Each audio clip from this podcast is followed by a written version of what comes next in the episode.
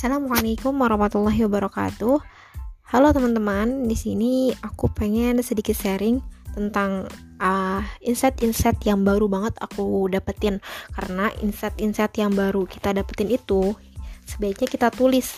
Sel uh, selain kita tulis kita juga kalau pengen ilmu yang udah kita sampaikan itu bisa nempel di otak kita gitu ya kita share ke teman-teman kita, kita share ke sosial media kita, biar yang menikmati ilmu itu nggak cuman diri kita sendiri, tapi orang lain itu juga bisa menerima apa yang kita dapetin gitu loh.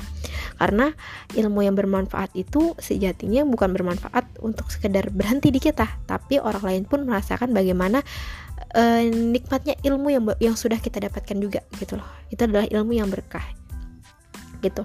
Jadi uh, tanggal hari ini tanggal 28 alhamdulillah.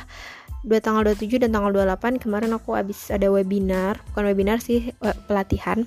Dan di sini tuh aku alhamdulillah banget dapat insight-insight baru semangat baru energi baru. Dan menurutku energi itu uh, ada energi transfer energi gitu loh dari orang ke orang gitu.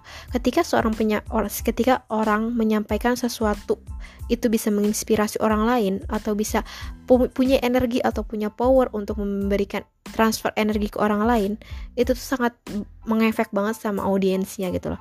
Jadi kalau pembicaranya itu memiliki power energi yang kuat gitu, itu tuh bisa mempengaruhi si audiensnya juga terpengaruhi dengan energi yang baru juga gitu.